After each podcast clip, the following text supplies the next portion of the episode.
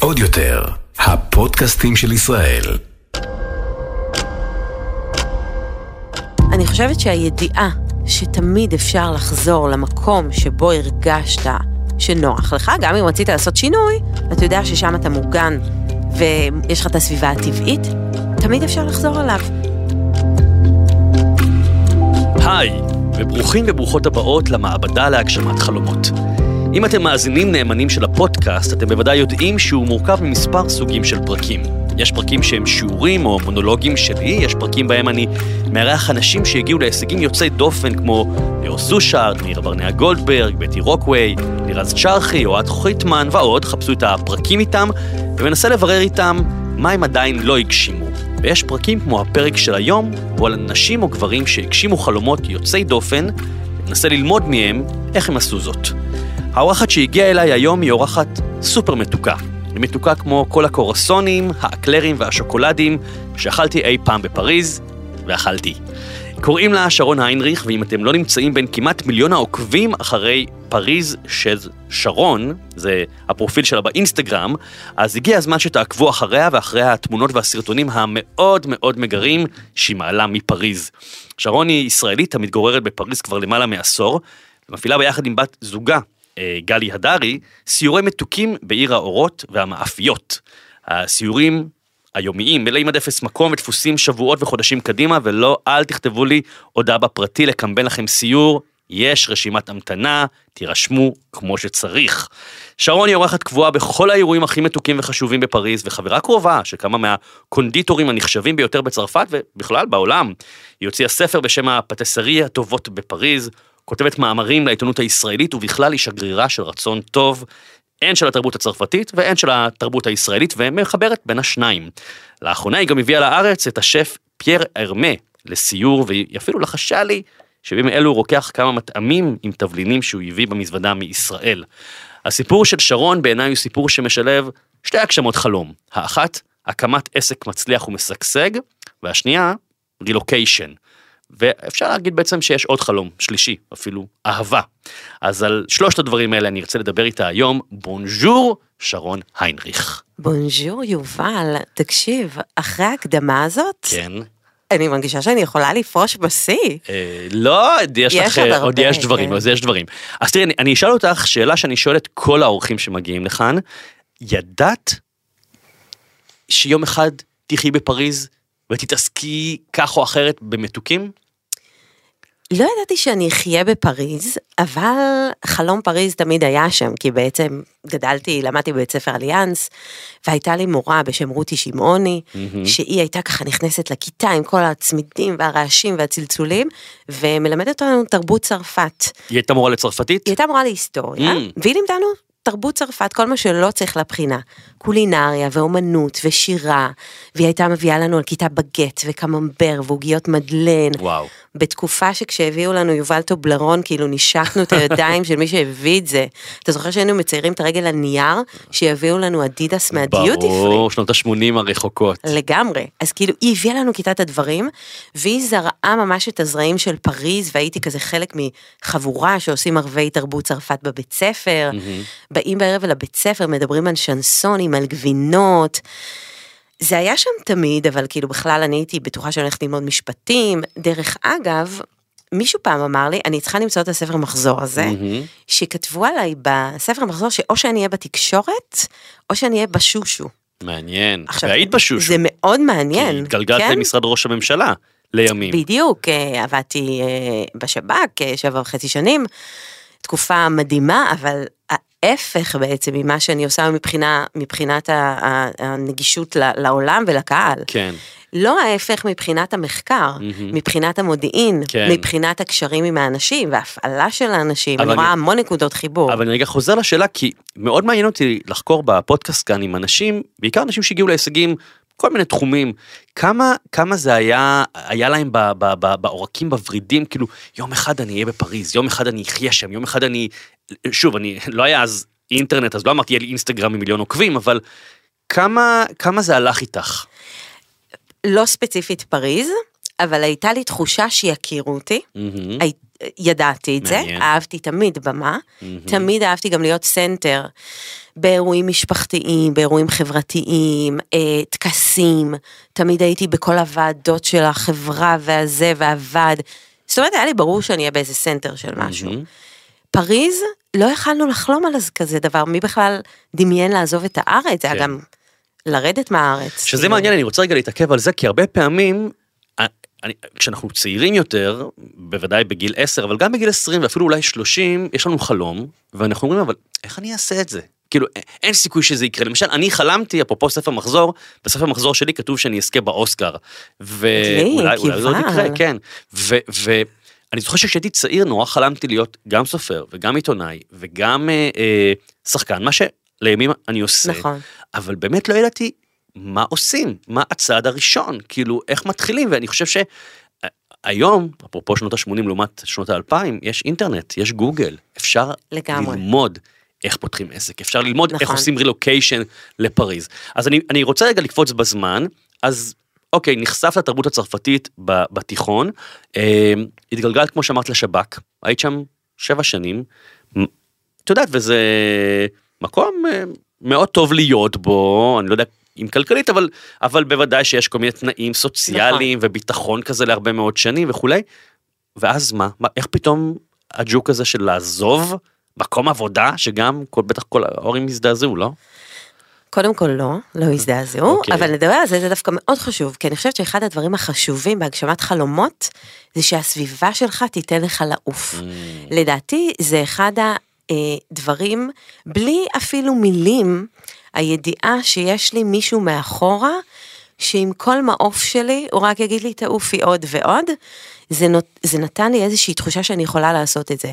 בשב"כ, אני הרגשתי שאני עושה את הדברים הכי חשובים בעולם, אני מצילה אנשים, לא כקלישאה, זו הייתה תקופה של האינתיפאדה השנייה.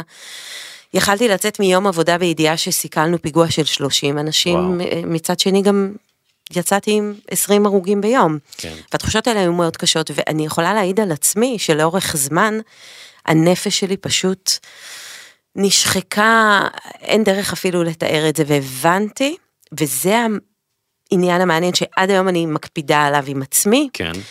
הבנתי שאני צריכה להקשיב לקול הזה שבתוכי שאומר, זה התאים לך אולי לאיזושהי תקופה, ועכשיו את חייבת להתקדם הלאה. אז אני רוצה רגע להתעכב על זה, כי זו נקודה מאוד חשובה, אני מאוד מתחבר, אנחנו גם חברים בחיים הפרטיים, נכון. אני מניח על רקע זה אנחנו מתחברים. זה נורא קל לא- לשבת כאן באולפן ולומר, הרגשתי אה, קריאה פנימית, קמתי ועזבתי, אבל במציאות זה בטח לקח לך הרבה זמן. או-אה. בוא נדבר על זה, איך, איך מקשיבים לקריאה הזאת, ואיך, וואלה, מתפטרים מעבודה. אז זהו, אז קודם כל צריך לזכור שזה לא סתם מתפטרים מהעבודה כמו היום, שהציעו לי במקום אחר עוד אה, 200 שקלים ואני אבוא. אז להתפטר מהעבודה שיש בה קביעות, הייתי השנה האחרונה של הפנסיה התקציבית, Mm. חבר'ה צעירים שמאזינים לנו בכלל לא יודעים על מה מדובר, כן. אבל לצורך העניין, ויתרתי על תנאים מאוד טובים. זה תהליך, אתה מאוד צודק, זה תהליך שלקח הרבה שנים. שנים. אני חושבת, כן, אני חושבת שכבר בתחילת הדרך שלי שם הבנתי שאני שונה. הבנתי שאני צריכה אנשים, שאני צריכה תקשורת, שאני מאוד אוהבת מצד שני את המודיעין ואת המחקר, אבל אני צריכה עוד דברים. ובמקום הזה אין עוד דברים, יש הצלת חיים, ובתקופה ש... שהיא תקופה מאוד מאוד קשה, תמיד התקופות בארץ קשות, אבל אתה בוודאי זוכר את התקופה הזאת. ברור. אין חיים באמת למי שעובד במערכות האלה, כן. ואני תמיד הרגשתי שאני חיה, אין לי בעיה לעבוד 20 שעות, באמת, אבל שאת הארבע שעות האלה יהיה לי פנאי, והבנתי באיזשהו שלב שזה לא יהיה לעולם בארגון הזה, ולאט לאט לאט ככה בניתי את התחושות האלה ש, ש, שהתלבו, וצריך, אני חושבת שעד כן. שלא, באמת הגעתי למצב שסבלתי מספיק, לא קמתי. אז אני רוצה רגע למרקר ככה את מה שאת אומרת לטובת מי שעכשיו מאזין לנו, ובטוח שיש אנשים שמאזינים ונורא רוצים לעשות שינוי בקריירה. אה, ומפחדים. ואגב, אני נורא מזדהה כי אני עבדתי 25 שנה בעיתונות ה- הישראלית.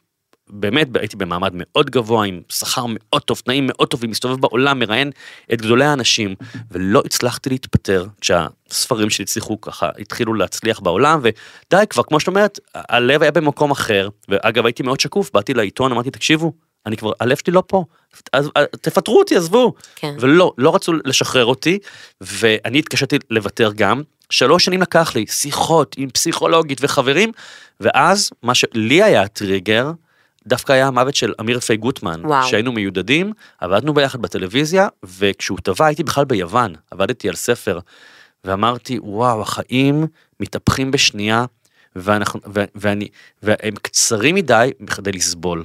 לגמרי. ושלחתי מייל התפטרות מהעיתון. אז זהו, תחשוב שאני עזבתי בגיל 31. היום זה נורא איני להגיד, אני רוצה להגשים את עצמי, אני רוצה כן. לעזוב, אז זה ממש לא היה ככה. אני זוכרת את היום שקרה לי אבישי אחי מאיר, הבן שלי יעקב אחי מאיר, הוא עבד איתי, היה במשאבי אנוש, והוא קרא לי, והוא אמר לי, שרון, לא עוזבים כזה מקום, אתה זוכר את המשפטים האלה? בוודאי. תקחי חל"ת. ואני אמרתי לו, תקשיב, אם אני אקח חל"ת אני אחזור, Mm. ואתה תצטרך לגרד אותי מפה, מה שנקרא. ואבישי עד היום היה אצלנו כבר בשני סיורים, הוא אמר לי מזל שלא לקחת חל"ת. Mm. אה, זו הייתה החלטה מאוד קשה, אני זוכרת את ההתחבטויות העמוקות האלה, אבל אני חייבת להגיד משהו, מהרגע שקיבלתי אותה, הנפש שלי פשוט השתחררה, ואני חושבת שזה גם שיעור מאוד חשוב לחיים בכלל, כי אחרי שעושים שינוי אחד, ומי כמוך יודע, השינויים הבאים הם הרבה יותר קלים. לגמרי. פתאום אתה מבין שלא קרה כלום אחרי שעזבת. גם העולם מסתדר בל- בלעדיך, מה שנקרא, וגם אתה הסתדרת בלי אותו עולם. לגמרי, גם יש לי משפט באחד הספרים שאני אומר, מאחורי כל אופק יש עוד אופק. נכון. ועוד אופק, אתה עומד בחוף הים בתל אביב, אתה רואה אולי ביום טוב את קפריסין מבניין גבוה. אה, אה, כשאתה מגיע לקפריסין אתה רואה את יוון ויש כל כך הרבה אופקים נכון. אה, שאנחנו פשוט לא רואים אותם. אז אני עושה קפיצה בזמן מאוד מאוד גדולה, כי אני רוצה שנספיק לדבר על ברור. הכל. אז הרסת מזוודה עם קצת כסף. ו... או הרבה כסף, צריך, היה לך כסף בצד? היה לי ממש מעט כסף, כי בעצם, וזה מהמם. חשוב לזכור, כן. אני באה בלי גב כלכלי, ויתרתי, אני בכוונה מציינת את זה כי יש המון אנשים שחושבים, אה, בטח, אה, זה, אבא שלה סידר לה כן. איזה דירה, ו- לא, כן, באתי עם תשוקה. זה מה שהחזיק אותי, הרסתי מזוודה כמו שאמרת, כן. עם טיפה כסף שנשאר לי. סידרתי לי עבודה בשגרירות, כי אי אפשר לחיות בפריז בלי אישור שהייה, והרי אני חנונה כמו שאתה מכיר, אני לא אחיה שמההגירה ידפקו לי על הדלת, כן. והגעתי עם מזוודה לפריז, יובל, בלי כלום. כמו בסרטים. ממש. שרון בפריז. מה שנקרא אמילי in Paris, כאילו, גרסת. המציאות. בדיוק. רק בלי כל הבגדים והזה. הגעתי באמת עם מזוודה, סידרתי לי עבודה בשגרירות, בגלל הסיווג שלי ככה מאוד מהר כן. לקחו אותי. כשידעתי שהמטרה שלי היא לא השגרירות, Mm. אבל, ופה נכנס משהו מאוד חשוב, לא ידעתי מה המטרה האמיתית. המטרה הייתה לחיות בפריז, חבריי, במיוחד הגברים שאלו אותי, מה המטרה, כאילו, מה האובג'קטיף, כן. מה, את הולכת לעבוד שם במקום מסוים, את רוצה להתקבל לעבוד בפטיסרי. יודע מה? המטרה שלי היא לחקור את עולם הפטיסרי, שזה משהו מאוד אמורפי, והאמצעי הוא לעבוד בשגרירות, ולאט לאט ככה להתפתח. אני כן יכולה להגיד שמעולם לא דמיינתי לאן זה יגיע. אוקיי. ממש אז לא. בוא, אז בוא רגע נתעכב על זה, כי זה סיפור מאוד רומנטי בעיניי, הוא גם נורא מזכיר לי את הסרט שאת בטח מכירה, ג'ולי וג'וליה, מהמם. שהוא, יש משהו נורא מקביל. נכון. אה, שאגב, אם לא צפיתם בסרט ג'ולי וג'וליה עם. מריל סטריפ, חובה, זה באמת סיפור על, גם על הגשמת חלום וגם על כוח הרשת. אה, אגב, הסרט הזה נתן לי השראה גם לעשות את כל מה שעשיתי עם הרשימה בבלוג, אבל בוא נחזור אם אלייך. תהיה לך אחרי זה דקה, יש לי סיפור מדליק על זה. יש לי דקה. אוקיי. יום אחד הלכתי לי בפריז, כן. וראיתי, אה, הלכתי לאיזושהי חנות ונכנס מישהו, והמוכר, כולם מכירים אותנו כאילו בתחום המאפים והמטבחים כן. וזה, והמוכר אמר, תכירי, זה אלן, הוא בוקיניסט. בוקיניסט זה אלה שמוכרים ספרים לאורך הסן. נכון. אנשים לא יודעים כי הם רגילים לקנות אצלם כל מיני מזכרות נכון. וכאלה, אבל הם מחויבים למכור ספרים יד שנייה לאספנים. כן. והוא מוכר ספרים רק של קולינריה. את חייבת לראות את הדוכן שלו. עכשיו אני אומרים לי משהו, אני ילדה טובה, אני הולכת. הלכתי לאלן והוא התחיל להראות לי את האוסף שלו, ואז קבעתי איתו שאני מגיעה עוד כמה ימים לראיין אותו. זה סיפור נורא מעניין, מי שרוצה יקרא בבלוג. אנחנו עומדים שם, ואז מגיע בן אדם, והוא אומר, יש לך את הספר הזה והזה? והוא אומר לו, בוודאי, נותן לו את זה, והוא אומר, אתה יודע, אני הנכד של זאת שכתבה עם ג'וליה צ'יילד את הספר, אה. וגנבו לנו את כל אוסף הספרים, ואני מוצא עכשיו פה את הספר ואני קונה לעצמי. וואו. שזה היה כאילו וואו מבחינתי, וואו. כי אני מזדהה לגמרי עם מה שאמרת כן. עם ג'ולי וג'ולי, כן. אז כאילו, מדהים. תראו, תראו את הסרט ג'ולי וג'וליה, נכון. אה, הוא ב-VOD, בנטפליקס. אז, אני, אז בעצם פתחת בלוג, אני ככה מקצר את הסיפור. קצר, פתח, קצר. פתח בלוג, קראת לו פריז של שרון, נכון. והתחלת בעצם להגג שם, את עם עצמך, על אה, מקומות טעימים מתוקים בפריז. נכון. נכון? ואני, ו, ו, ו, ואני מניח שבהתחלה את ועשרה אנשים חברים ומשפחה קוראים את זה. נכון, בדחיפה. אוקיי, ולאט לאט בדחיפה, כן. כן, כמו אני ש- שלחתי להם את כן, המייל, כן, תקראו. כן, כן, זה כמו שעם הרשימה, אני זוכר שאני אני קורא לזה, אני, סליחה על המילה, אבל ממש אנסתי אנשים לבוא לשמוע אותי בהרצאות, כי כן? חוץ מלשלם להם, אה, עשיתי הכל. אה, אז בהתחלה קוראים את זה משפחה נכון. חברים, אבל לאט לאט, תוך כמה חודשים, מתחילה לקבל מיילים מאנשים שאומרים לך, היי, אני קורא את הבלוג שלך, תגידי, יש מצב שאנחנו נפגשים? נכון. הכי כזה כזה, נכון? נכון, וזה בא עם שילוב, גם עבדתי במשלחת הרכש של משרד הביטחון ובשגרירות, והיה לי חבר בשם עובד, אתה מכיר את הסיפור הזה? שלקחתי אותו ואת אשתו לסיור ברובע שלי, הרובע ה-15, סתם להראות להם כזה וזה, ואז עובד הוא מאוד מאוד מאוד יצירתי, וזה חשוב מאוד מה שאני מספרת עכשיו, כי הרבה פעמים עוברים לידינו אנשים Mm. מאוד יצירתיים, או עם צורך מסוים, שאומרים לנו, אתה יכול לספק את הצורך הזה, ואנחנו לא מקשיבים נכון. להם. ואני הייתי במקום הזה שכל הדלתות פתוחות, מה שנקרא, והוא אמר לי, תקשיבי, תיקחי אנשים, אם אותנו זה מעניין ואנחנו גרים ברובע אחר של פריז ולא מכירים את הרובע הזה, זה בטח יעניין. במקביל באמת, הגיעו אליי עוד קולות של הקוראים, קחי אותנו למקומות שאת כותבת עליהם, ואז באמת נהיה מאץ' כזה, שהבנתי שאני יכולה לעשות מה שאני אוהבת, להעביר את הפשן שלי לאנשים, להיות כל היום בפריז, שהיא תהיה המשרדים שלי. כן. אבל ככה באמת עבדתי עוד- בשגרירות, אז הייתי גונבת ימי חופש כזה ויוצאת לסיורים, בתשלום בהתחלה או בחינם? אף פעם לא בחינם. Mm. אבל אני זוכרת פעם אחת, עשיתי פעם אחת בחינם, מהמם. תמורת ביקורת. Mm. הגדרתי את זה לא בחינם, אלא אני לוקחת אתכם, אבל יש לכם מחויבות לתת לי ביקורת. זוג מקסים שהכרתי באיזה פורום, היו כל מיני פורומים של תפוז וויינט של עוגות, והם באו ונורא נהנו, וזה נתנו לי את הטיפים שלדעתם אה, חשוב וזה. ואז אה, הייתה, אה, היה זוג שהגיע אליי לסיור ליום נישואין, הילדים שלהם הזמינו להם את הסיור מתנה, ויובלי עד היום, אנחנו בקשר. מדהים. ואני זוכרת את הרגע שהם שילמו לי, וכמובן כל תסמונת המתחזה וכל הקטע הזה, כן. לא ממש, האמת שהבנתי שאני נותנת להם ערך מאוד מהר. ועד היום המשפחה, אה, משפחת קלנר, ואנחנו בקשר, כולל הילדים שלהם שהיו בסיורים וכל... באמת נורא נורא מרגש. אמרת משהו נורא מעניין שאני רוצה שוב להדגיש. אמרת, בעצם תהיו קשובים לסביבה שאומרת לכם, אה, יש בזה משהו טוב. בעצם תקשיבו להזדמנות. נכון. את יודעת, אני לא יודע אם את יודעת, והמאזינים והמאזינות, את יודעת מה המוצר הכי נמכר ברשת צומת ספרים? לא. תנחשי. זה כאילו ספר? המ- אני שואל פה את החבר'ה באולפן, אתם יודעים מה המוצר הכי נמכר? רגע, רגע. תנחשו. זה לא ספר, לא ספר. נכון? משהו ליד הקופה, לא סימניה. משהו ליד הקופה, כן. איזשהו עט או עיפרון. מטען לטלפון. די, נכון, נכון. זה המוצר נכון, הכי נכון. נמכר בצומת ספרים. עכשיו, איך זה נולד? איך זה נולד? כי אתם יודעים, צומת ספרים פרוסים ברחבי ישראל. הרבה ברחובות, ברור. אנשים הולכים ברחוב בלי בטריה, סליחה, סליחה, יש לכם במקרה מטען, אה, אומרים להם אה, לא, לא. לא, לא, אבל בערך בפעם האלף, המוכרים המנהלים בשטח שמעו, העבירו את המסר להנהלה. מהמם. לאבי, המהמם. כן, בואו נכניס, אה, כן. בואו נכניס אה, מטען, ו- וזה בעצם הסיפור שאת אומרת, זאת אומרת, אני פתחתי בלוג, שאגב, הוא פעיל עד היום, ותיכנסו. לאתר של שרון, ותחפשו אותו ותקראו, כתבת מאמרים ללא מטרה, וזה חשוב, כאילו, היית מחויבת ל... לחלום שלך, נכון, להנאה נכון. שלך, חקרת את פריז, משהו שאגב, היום זה מילת גנאי, לחקור. נכון. חקרת את פריז, כתבת, השקעת, שזה גם מילת גנאי, להשקיע. השקעתי בחינם. השקעת בחינם, כתבת מאמרים, מאמרים, מאמרים, לגמרי. מאמרים, ממש כמו בסרט ג'ולי וג'וליה, ויום אחד פתאום מישהו אומר לך, היי, סיור, נכון. ועוד סיור ועוד סיור, ולמעשה היום את אימפריה, אה, ו- ובאמת אה, כמעט מיליון עוקבים ברשתות החברתיות, סרטונים מטורפים שמגיעים למיליוני אה, אה, צפיות אתה ושיתופים. יודע כמה הסרטון הכי נצפה? כמה צפיות?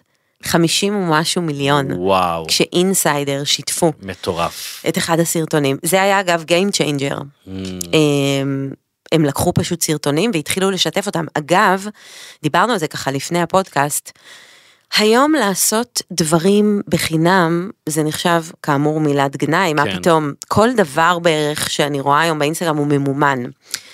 אה, אני, אה, נגיד אינסיידר, יכלתי לדרוש מהם כסף, אבל הבנתי את הערך המוסף Mm. של החשיפה הזאת. והם לקחו ממני תכנים, כמובן עם קרדיט מלא, כן. ותוך ימים האינסטגרם שלי קפץ בעשרות אלפי אנשים, ואז כמובן זה. התגלגל, ו... וזה גם שיעור, אני חושב, למאזינים, וזה נורא מזכיר משהו שליאור סושרד אמרת כאן באחד הפרקים, מוזמנים לחפש את הפרק הזה. גדלתי עם ליאור ברוממה החדשה בחיפה. אה, נו, אתם רואים, אז כנראה זה כן, בגנים כן, שם ברוממה כן. בחיפה.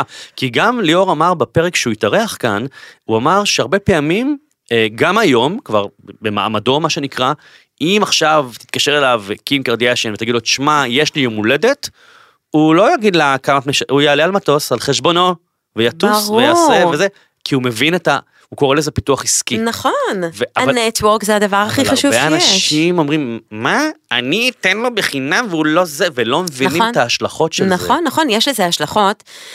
אני לפעמים רואה השלכות של דברים שעשיתי לפני אה, אה, שש שנים, כי היום כמובן אנחנו, אה, אנחנו זה גלי ואני, אגב כן. את גלי, אשתי אהובתי, הכרתי בסיור, תחשוב זה מה גם זה. מדהים, הגשמת את חלום. האהבה והזוגיות. היא נכון. הגיעה לסיור, אני, היה לה ממש מעט זמן, היא הייתה נכון, בדרך נכון. לטיסה אחרת, הזזת קצת לפגוש נכון. אותה, ו... וגם הקשבתי ללב אגב, כי לפני זה הייתי, אתה יודע, אני מאוד פתוחה, לפני זה הייתי רק עם בני זוג. וגם כמו שעובד אמר לי, תקשיבי, יש, את יכולה לעשות ציורים, גם פה הקשבתי ללב, שזה משהו מאוד מאוד חשוב. אגב, אני כל הזמן מנסה להקשיב ללב. כי יכול להיות שהיום מתאים לי לעשות ציורים, ועוד שנה לא יתאים לי. Mm. וזה משהו שלדעתי הוא מאוד חשוב. אגב, ואחד הדברים שאני מצפה מעצמי כל הזמן, ומקווה שאני אמשיך לעשות כל הזמן, זה כל הזמן לעשות את הטיונינג הזה. כי דברים שמתאימים לנו בגיל 30 או 40 לא מתאימים לנו אולי בגיל 50 ו-60. אבל אנשים חוששים בכלל לדמיין שהם עושים את השינוי הזה, אז זה. משהו מאוד חשוב. אני, אני אומר שחלומות זה כמו אפליקציות, יש עדכונים נכון, כל הזמן. כל לא נגמר הזמן. כל הזמן. יש עדכונים. אז, אז, אז, אז בעצם הנסיעה לפריז, האפשרות הזאת שנתת לעצמך, הולידה, בדיוק. חצי במקרה, חצי לא במקרה, כי את עבדת, זה- אין כאן מקריות. נכון. אבל באמת היום עסק שאת את וגלי אה, מוציאות סיורים אה, כל יום, סיור שניים ביום, אה, סיור, אני חוויתי את זה, חוויה מדהימה, ממליץ בחום, בחום, בחום, זה טעים, זה משמין וזה משכיל מאוד. ואני רוצה רגע לשאול אותך, מכיוון שאת באמת חברה ואורחת בתוך המטבחים הכי הכי נחשבים בפריז, ומוזמנת לאירועים של, אה, של השגרירות הישראלית והשגרירות הצרפתית, וראשת העיר, זה ראשת עיר, נכון? נכון. אה, מה למדת, אולי הדבר הכי משמעותי מהצרפתים, מה, מה, מהסטנדרט שלהם? קודם כל המילה, שוב, שהיום היא קצת גסה, מקצועיות. מקצועיות. בגיל 14, ילד שרוצה להיות שף, או pâtissier, או boulanger, שזה כל מיני מילים מפוצצות, אבל בסוף, זה אנשים שהם אנשים שעובדים במלאכות יד. התפיסה הצרפתית היא שמלאכות יד הם מקצוע לכל דבר, כמו שיש אה, רופא, יש אופה, וכמו שיש עורך דין, יש chocolatier, והם נותנים להם את אותו הכבוד. הם מתחילים בגיל 14, הם מתחילים ללמוד בבתי ספר מקצועיים, הם לאט לאט מתפתחים. כדי לפתוח, יובל, אתה היום יכול לפתוח חנות קינוחים בפריז, כי בא לך. כן. או, סליחה, בתל אביב. כן. בפריז לא. כלומר, אתה צריך תואר של המדינה שיגיד, Mm. הבן אדם הזה יודע לאפות, אבל הוא לא רק יודע לאפות, הוא יודע להחזיק חומרי גלם, אנחנו מאכילים אנשים, זה יכול להיות מסוכן, הוא יודע היגיינת מזון וטכנולוגיית מזון, והוא יודע עוד הרבה דברים שאנחנו כמדינה חושבים שהם חשובים למקצוע הזה. כן. אז תחשוב רגע על הילד הקטן הזה, שאימא שלו נכנסת לחנות של פטריק רוז'ה, שהיינו בה ביחד. וואי וואי. והיא מסבירה לו, תקשיב, הבן אדם הזה הוא MOF. MOF זה ראשי תיבות של המילים Meilleur Ouvrier de France, שזה בעל מלאכת היד הטוב ביותר בצרפת. כמו זה תואר אצולה. תואר אצולה שניתן על ידי נשיא צרפת. וואו. ותחשוב שהיא נכנסת ומסבירה לו, תקשיב, פייר, פטריק הוא MOF, והוא קיבל את התואר הזה מנשיא צרפת, ואולי יום אחד גם אתה תקבל את התואר הזה. ואז ה-Jewish Polish mother יכולה שהבן שלה יהיה אופה. לא רופא, וזה בסדר. יש המון הערכה וכבוד לדברים האלה, והריינג', כאילו הספקטרום של האפשרויות, לדעתי, הוא הרבה יותר אה, מאפשר. גם דברים שהם לא רק מה שאנחנו מדמיינים כן. שהם מקצועות טובים, כן. או איכותיים, או בעצם, מכניסים. בעצם את מדברת פה על, על, על סטנדרט מאוד מאוד גבוה. מאוד. שבאמת, אה, אני לא רוצה להכליל, אבל בישראל הרבה פעמים יש את המקום הזה של יאללה, נעגל פינה. כאילו, נכון, אבל יש לזה גם יתרונות, היתרונות זה יזמות נגיד. כן. נגיד אם היית שואל אותי מה מחרפן אותי לפעמים בפריז, אז הייתי אומרת לך, הצד האקסטרימי של זה, של הקיבעון, של Mm. ההסללה מגיל מאוד מוקדם. תשאל את הבת שלך אם היא יודעת היום מה היא תעשה עוד 40 שנה. אולי כן, אולי לא, יש אנשים שמגיל אגב נורא צעיר יודעים מה החלום שלהם. יש לזה יתרונות וחסרונות, אבל אני מסכימה איתך שבישראל יש המון עיגולי פינות, כן. שוב, לטוב ולרע, כן. ובצרפת, לטוב ולרע, אין עיגולי פינות בכלל. לא, אבל זה באמת, כשהייתי בסיור, זה באמת מדהים לראות, היינו בחנויות שוקולד ש... זה, זה מוזיאון, נכון. זה פשוט מוזיאון, והרמה, והכל, ברמת ה... מהשלום שאומרים לך שאתה נכנס, בדיוק. דרך החוויה החושית שאתה עובר, דרך, את יודעת, היו לי בעבר כמה עסקים פיזיים, הייתה לי חנות בשם Made in TLV, נכון. במתחם התחנה בנווה צדק, ומכרתי שם אה, אה, מוצרים של אומנים ישראלים, שעשו דברים אה, שקשורים לתל אביב, אה, פמוטים ונרות ומגנטים וחולצות, ואמרתי לעובדים שלי, אני נורא מבקש שהסטנדרט פה יהיה סטנדרט אמריקאי. כלומר, נכנסים לחנות אומרים שלום, הלו, לא משנה כן. אם זה תייר כן, או כן, ישראלי. ואנשים לא ידעו שזו החנות שלי בהתחלה, הייתי מסתכל לפעמים, ב- ב- ב- הייתי נכנס לחנות, מסתכל על הדינמיקה, ואז המוכרת הייתה אומרת, שלום, אפשר לעזור, כמו שבכל מקום בעולם כן. עושים. והרוכשים הישראלים היו כזה, מסתכלים. What the fuck, מה את רוצה מאיתנו? ו- וזה חלק מהעניין. זה מצחיק אותי כי זה קורה לי היום, אנחנו, אני יורדת אה, מהבית לרוץ, כן, ואני רואה את, ה, את קלוד השומר של הבניין לידינו, ואת אשתו שמנקה ואת הכלב פופאי, ואת uh, המנקה רחוב, ואני אומרת לכולם בונז'ור, בונז'ור, בונז'ור, בונז'ור. ופה אני גם לפעמים אומרת לאנשים בוקר טוב, בוקר טוב, והם מסתכלים עליי כאילו, כן, כן. הם, הם לא כל כך, זאת אומרת, אנחנו מכירים, אה, אז, אז אני חושב שזה זה, זה מה, ש, מה שבעצם אני חוויתי דרכך בסיור, אה, זה באמת איזה חוויה שלמה של מהבונז'ור, דרך, אה, אתה רוצה לטעום מהשוקולד, אה, אה, אכלנו שם אני חושב שוקולד בשווי של 30 יורו מרוב הטעימות, לטעום, ואז כשאתה... קניתי לא יודע מה 20 חתיכות אתה מקבל שקית כאילו ענקית נכון. וקופסה כן, חוויה נכון. שאגב את יודעת אחד הדברים שנגיד חברת אפל של הטלפונים השכילו לעשות הרי אתה, אתה קונה שם חוויה חושית שאתה קונה נכון. מכשיר חדש אתה פותח אותו. והחנויות של פטריק הן ממש מיוחדות בזה, אתה נכנס, אני תמיד אומרת שהוא מצליח לעשות אה, בחנויות שלו מעין תחושה של אזור שהוא מחוץ לעולם שבחוץ, ואז כן. כשאתה יוצא, אני לא יודעת אם אתה זוכר אם הרגשת את זה, כשאתה יוצא מהחנות אתה פתאום בעולם אחר, נכון. הוא ממש מצליח להכניס אותך לתוך מקום אחר, ניתוק כללי, אה, מקצועיות, יצירתיות. אני נכנסת לחנויות האלה ואני יוצאת עם ממש התרוממות רוח, עם תחושה שאפשר מכל דבר לעשות משהו מדהים. אז אני חושב שמה שאם אני מסמן את זה מתוך הדברים שלך באמת להרים את הסטנדרט. מה, מי שמקשיב לנו עכשיו לא משנה מה אתם עושים אתם שכירים או עצמאים. תחליטו שאתם מרימים את הסטנדרט במעט אני תמיד אומר את זה בהרצאות לאנשים בארגונים אתם יודעים. אלה שכאן במשרד תכף יקבלו תעודת הצטיינות כי אני הרבה פעמים מוזמן לאירועי הצטיינות. מה, מה מאפיין אותם? שהם נשארים בעבודה עוד חמש דקות. פעם בחודש לא עלינו לוקחים מסמך הביתה ומסיימים את העבודה שם זה עוד אקסטרה מייל כן. שרוב האנשים מבלי לפגוע לא עושים את זה עושים את מה שמתבקש מהמם. מהם ובעצם דרך דרך הסיור שלך דרך העיניים שלך מה שאני ראיתי זה הרמת סטנדרט. מאוד גבוהה.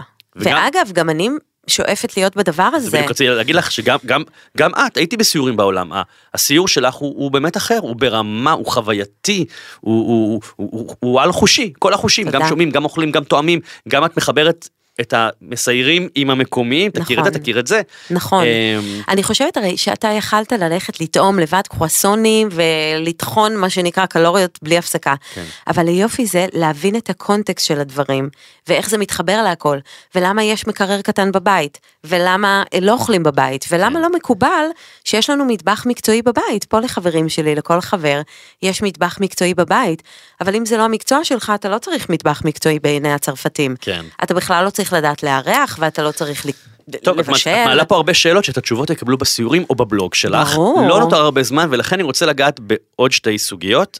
אחת זה נושא הרילוקיישן, אוקיי. ואחד זה הרשימת חלומות שלך, כי בכל זאת אני אוהב לשמוע. מאנשים על חלומות, אז לפני זה, בסופו של דבר עשית רילוקיישן. כן. כבר עשור נמצאת בפריז. מעל, אה, 12 מעל, שנה. וואו, 12 שנה. כן. ויש, זה, זה חלום של הרבה אנשים, לאו נכון. דווקא ישראלים, אה, ודיברנו על זה גם הבוקר, שגם אצלי לפעמים, אני חושב, אני בן 46, ואני מאוד אוהב את ישראל, אבל לפעמים אני אומר, בא לי משהו אחר, בא לי להתרגש, כמה שקשוקה אפשר לאכול, נכון. כאילו, בא לי לאכול ציזיקי, בא לי לאכול, אה, כן, כן. לא יודע מה, אקלר. כמה מילים על, על, על רילוקיישן לטובת מי שחולם על זה ומפחד ולא יודע איך מתחילים ואיפה, מה את יכולה להגיד על זה? הדבר הראשון, לזכור שתמיד יש מטוס חזרה. Mm, זה מאוד מרגיע. אני חושבת שהידיעה שתמיד אפשר לחזור למקום שבו הרגשת שנוח לך, גם אם רצית לעשות שינוי, אתה יודע ששם אתה מוגן ויש לך את הסביבה כן. הטבעית, תמיד אפשר לחזור אליו. זה מאוד הרגיע אותי בנסיעה. זה אגב נכון, אני מאוד מתחבר למה שאת אומרת, לכל חלום. אפילו שאנשים אומרים, אני רוצה להתפטר מהבנק, אני אומר, הכל הפיך. נכון. תתפטר מהבנק, תוכל לחזור לבנק, אולי לא לאותם, לא לאותה משרה, בדיוק. אולי לא באותם תנאים, אולי למנהל אחר, אבל תוכל לחזור לבנק. נכון. אז מה שהרגיע אותי זה קודם כל שאני יכולה לחזור. דבר שני שאותי מאוד מאוד מאוד הרגיע זה שידעתי שלי באופן אישי כמובן שכל אחד בנוי אחרת יש ידיעה פנימית שאני תמיד אסתדר. אני אתחיל במשרה שהיא לא מעניינת אותי אולי. אני אשים רגל במקום. אני אתחיל במקום שאולי הוא לא מתגמל אותי מספיק.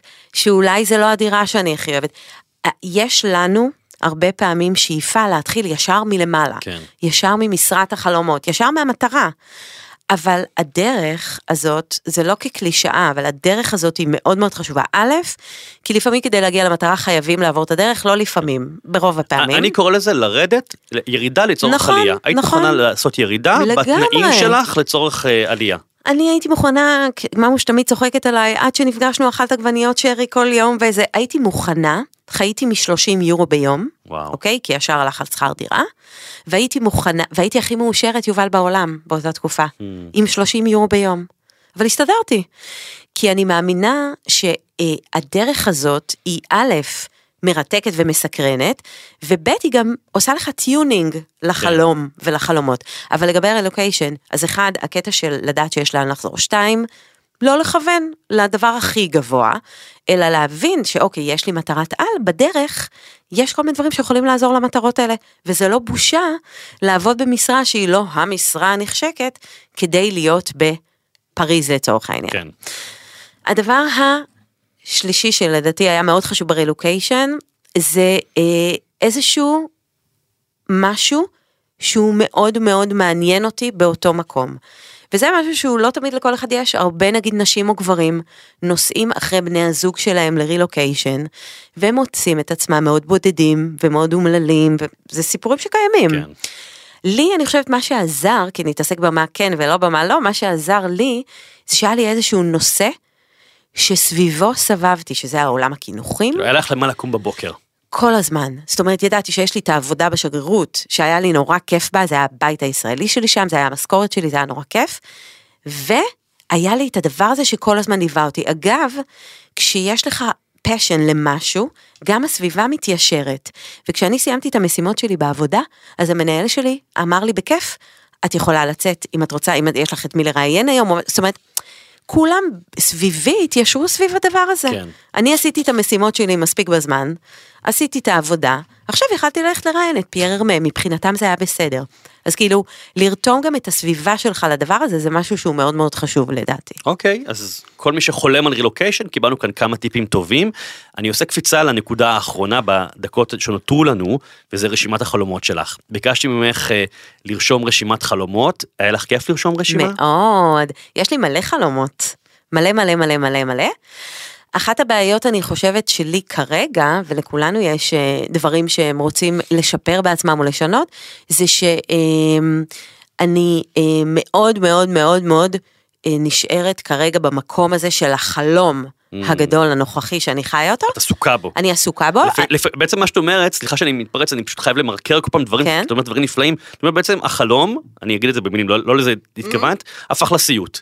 אני אומר במרכאות, כי לפעמים אנחנו מקימים איזה, איזה תחביב, הופך לעסק, והעסק הופך למפלצת. רגע, אבל אין לי זמן לשבת בפריז לאכול בגט, כאילו, כי אני, אני חי את החלום, ופה צריך לדעת לשלוט בו. נכון. אז כמובן שזה לא סיוט וזה היה כדוגמה, אבל זה, אנחנו חיות את החלום שלנו כל יום, כל יום, אבל היה לי נורא כיף לרשום את הרשימה, כי אני רוצה עוד חלומות. אני בן אדם שחולם ומגשים. אז בוא ניגע בכמה דברים, אני אקריא בזריזות יאללה. חלק מהדברים. את הרשימה המלאה תוכלו למצוא אה, בפייסבוק שלי, באינסטגרם שלי. אה, כתבת אה, סדרת טלוויזיה, לכתוב נכון. סדרת טלוויזיה? לא, גלי ואני, החלום שלנו, להיות אה, צוות שמוביל סדרת טלוויזיה, מהמם. שאנחנו יוצאות בעצם מפריז. לכל אה, אה, המקומות שבהם מייצרים את כל החומרי גלם בצורה ארטיזנית. ההרמונים המסוכרים הכי טובים וואו. בצרפת, והריבות הכי טובות, והיצרנים שוקולד בין טו. בר, ויש לנו קשרים לכולם, ואנחנו מדברות על זה עם כל מי שאפשר, וזה יקרה. פניתם למשרדי הפקות? עוד לא, אה. אבל אנחנו מדברות עם, נגיד, אה, התארחנו עכשיו הרי עם פייר מ- כן. בקינוח המושלם, כן. אז עם, עם הבעלים של החברת הפקה, ועם זה, אוקיי. ועם- אנחנו מעריכות שב-2023 אולי תהיה נהדר. תפנית אז בדבר. אם במקרה יש כאן מישהו שמקשיב לנו, ויש פה לא מעט אנשי ברנזה שמאזינים לפודקאסט הזה, אה, מפיקים, מפיקות, אנשים נכון. שמחוברים, אנא תפנו לשרון לגמרי. וגלי. ל- ל- זה קלאסי לערוץ הטיולים או כל ה... אנחנו רואות את זה גם כמשהו בינלאומי, זאת מהמם. אומרת, יש חברות לגמרי. הפקות היום שעובדות עם העולם. כתבת ללמוד תכנות, ללמוד עיצוב גרפי. כן, אני חושבת שאם לא הייתי עושה מה שאני עושה היום, לגמרי הייתי מתעסקת בעולמות של מח- מחשבים ועיצוב, אבל שמחוברים. אחד הדברים שאני מאוד מאוד חושבת שבן אדם שמתעסק בתחומים שלנו צריך, זה outsourcing, זה נכון, אבל... ידע בסיסי בהמון דברים שהם ביום יום שלנו, כן. מאוד חשוב, נורא, נורא בא לי לפעמים לעשות משהו באתר, ואני פונה לאיתמר המהמם שיטפל לי באתר, ואני רוצה לעשות דברים לבד גם. אוקיי, כלומר, לא להיות תלויה, שזה אגב, אחד הדברים שאני קיבלתי החלטה, אה, גם יש לי עסק, תוכן והרבה דברים, ומפעיל לא מעט עובדים, ובאיזשהו שלב אמרתי, אני לא רוצה יותר אה, אנשי שיווק, אה, שאני משלם להם כסף ולא תמיד יש תוצאות, אני... אני, אני אעשה את זה, והלכתי ולמדתי איך מקדמים באמת? בפייסבוק ובאינסטגרם, ואני עושה את זה לבד. עוד חלום שאני מאוד מתחבר אליו, זה לפגוש את אדל, יש לך גם חולצה אני עם תמונה מבקשת, שלה, כן. כן. אה, אז לא- לפגוש, לא סתם כן, כן, להופעה, כן. למה כן, כן, לפגוש? כן. אה, אדל מבחינתי היא דוגמה לבן אדם שהוא אה, הכי יצירתי שאפשר לדמיין, הכי מקצועי במה שהוא עושה, ועדיין יש לי תחושה שהיא עם רגליים על הקרקע, Mm. ויש לי תחושה שהיא אוהבת מתוקים. יש לי גם תחושה כזאתי, ואת יודעת מה, את אומרת עם רגליים על הקרקע, זה מוביל אותי לסעיף אחד אחרון שאני אזכיר מתוך הרשימה המפוארת שלך, וזה ללמוד ליהנות מהצלחות. נכון. מעניין. אתה זוכר שהקראת את הפתיח ואמרת את זה כזה, הסתכלתי עליך כזה, אמרתי וואו, הספקתי כמה דברים. כן. אה, בגלל שאני מאוד מאוד פרפקציוניסטית ומאוד מאוד חושבת כל הזמן על הדבר הבא ומאוד מושקעת בכל דבר, אני לא מספיק נחה על, כמו שאומרים, זרי הדפנה כן. ונהנית מההצלחות. ולפעמים ממוש, וכל אחד צריך ממוש לידו, מזכירה לי, ממוש תראי מה עשית. כן. את עם פייר ארמה בישראל. את, את, את עשית את זה, ואת עשית את זה, ואת עשית את זה, ואני כל הזמן כבר בדבר הבא. ואני חושבת שאחד הדברים החשובים זה רגע להגיד, וואו, מה עשיתי? דרך אגב, זה לפעמים לעשות לך רשימה לא רק של חלומות, אלא גם של הישגים. בטח. שזה דבר מהמם. ולזכור את זה, כי אנחנו באמת שוכחים מה השגנו. אגב, נכון. זה לא רק אה, לעבור לפריז, זה יכול להיות, לגמרי. הפסקתי לעשן, ירדתי במשקל, לגמרי, התחתנתי, רצתי, התחלתי לרוץ, כן. כן, כל, כל כן, דבר, כן, כן. להזכיר שכולנו סופרמנים וסופר וומנים. נכון. ואני אני, אני רק רוצה ככה לדייק משהו שאמרת, כי אמרת אני פרפקציוניסטית, וזה אני שומע את זה מהרבה מאוד אנשים, בוודאי אנשים שמגיעים להישגים. לא יודע אם את יודעת, ואם המאזינים והמאזינות יודעים, אבל פרפקציוניזם יושב על הספקטרום של OCD. כלומר זאת בגדר הפרעה. ממוש בטח צוחקת עכשיו מאחורי הזכוכית. הנה היא קמה ומנפנפת, מאשרת לנו. לא, יש לך OCD? לא. אוקיי, אוקיי. כי זה על הספקטרום של ה-OCD, זה כאילו, אני לא מרוצה, אני צריך לסדר. המילה שאני ממליץ לך להשתמש בה, ו- ואת כן. כזאתי, זה דיוק. אני מאוד מדויקת. אפרופו מעניין. המוף. כן, שאמרת. כן. הרי מה זה כל, ה, כל הש- השפים האלה שעושים דיוק, כולל המשלנים האלה, הכל מדויק, המנה מדויקת, כל תבלין, ב... את מדויקת, והשאיפה היא שלך, וגם שלי וגם של מי שרוצה להגשים חלום, זה להיות מדויק. לא פרפקציוניסט, כי לעולם אנחנו לא יכולים להגיע ליעד, רק בדיעבד אנחנו רואים. זה כמו לראות תמונה שלנו מלפני עשור, נכון. להגיד, אוי, הייתי ממש רזה, מה רציתי מעצמי? גם עכשיו, ממוש קופטת. כן. אז, אז אני אומר, ברגע שתחליפי את המילה, פרפקציוניסט, נכון, וגם מדויק זה מדויק לעכשיו. נכון. זה מה שנכון לי עכשיו. נכון. וזה אגב אחד החלומות, שזה תמיד להקשיב לקול הזה, כן. והיום אני לא קוראת לזה קול, זה הידיעה שלי הפנימית של מה נכון לי ומה לא, כי מי שרגיל להקשיב לעצמו ולהיות באינטואיציה מאוד מחודדת, אז כל הזמן לבדוק אם אני במקום הנכון, זה חלק מהדיוק, כמו שאמרת. ברור, ברור. אז אני רוצה ככה לסכם את השיחה שאפשר לדבר עוד שעות נכון, איתך. יובל. אבל בסדר, מי שירצה לשמוע עוד, יבוא לסיור, ברור. יטוס לסיור בפריז של ארבע שעות, גם יאכל, גם אה, ית- י- יסייר, גם י- ילמד וגם יקבל יקבל השראה, כן. וגם יקבל השראה. אז, אז אני מסמן דברים שדיברנו עליהם, זה להקשיב ללב. להקשיב ללב שלנו, אפרופו הרצון שלך לעזוב את השב"כ ולעבור לפריז, וזה לא, לא במיידי מוצאים את התשובות, צריך לזכור, לפעמים לוקח שנים נכון. למצוא את הדרך, איך אני עושה את זה, להקשיב להזדמנויות, כי ככה הסיורים שלך נולדו, להיות נאמנה לעצמך, להיות מקצועיים, סופר מקצועיים ומדויקים, לזכור שהכל הפיך. גם אם אנחנו עוזבים את ישראל, או עוזבים את הבנק, או את השב"כ, תמיד אפשר לחזור. אני בטוח שגם אם היום תרצי לחזור לשב"כ, יקבלו אותך, מעניין. נכון? אני יכולה להיות, תראה, גלי עד לא, כשהיא הגיעה לפריז היא חשבה שאני בכיסוי שם. זה אחלה כן, כיסוי האקלר, אה, כן. הבנתי. אז, אה, אז למד, למדנו ממך הרבה מאוד אה, דברים, שרון. אני רוצה להגיד לך המון המון תודה, שבזמן הביקור הקצר שלך בישראל מצאת גם זמן להגיע להתארח בפודקאסט. אה, ואני רוצה להגיד גם לגלי, שנמצאת מעבר לזכוכית, תודה רבה לך גם, גלי, גם על הסיור שחוויתי איתך. אה, חפשו בגוגל, שרון איינריך, בקרו באתר שלה, באינסטגרם. והכי חשוב, תעשו לעצמכם טובה ותירשמו לסיור. וכמובן, אפשר לבקר גם באתר שלי, יובל אברמוביץ', ובאינסטגרם. מוזמנים ומוזמנות לדרג את הפודקאסט, דירוגים גבוהים ייתנו לו חשיפה וחשיפה גדולה, תאפשר להביא אנשים מעניינים. אתם מוזמנים לסמן אותו כמועדף על מנת לקבל התראה על פרקים חדשים. אה, זהו, וארגנתי לכם גם קוד הנחה, אם אתם רוצים לספרים ולהרצאות שלי, כנסו לאתר, תזינו את המילה רדיו, ותקבלו 15% הנחה על כל המוצרים שבאתר. אפשר לשמוע אותנו גם בספוטיפיי, גם באפל פודקאסט, גם בגוגל, גם ביוטיוב, ועוד פלטפורמות מוכרות. תודה רבה, au revoir, שרון. au revoir. תודה, merci. merci, bisous. עוד יותר, הפודקאסטים של ישראל. הוקלט באולפני אדיו, המשווקת את ספוטיפיי בישראל.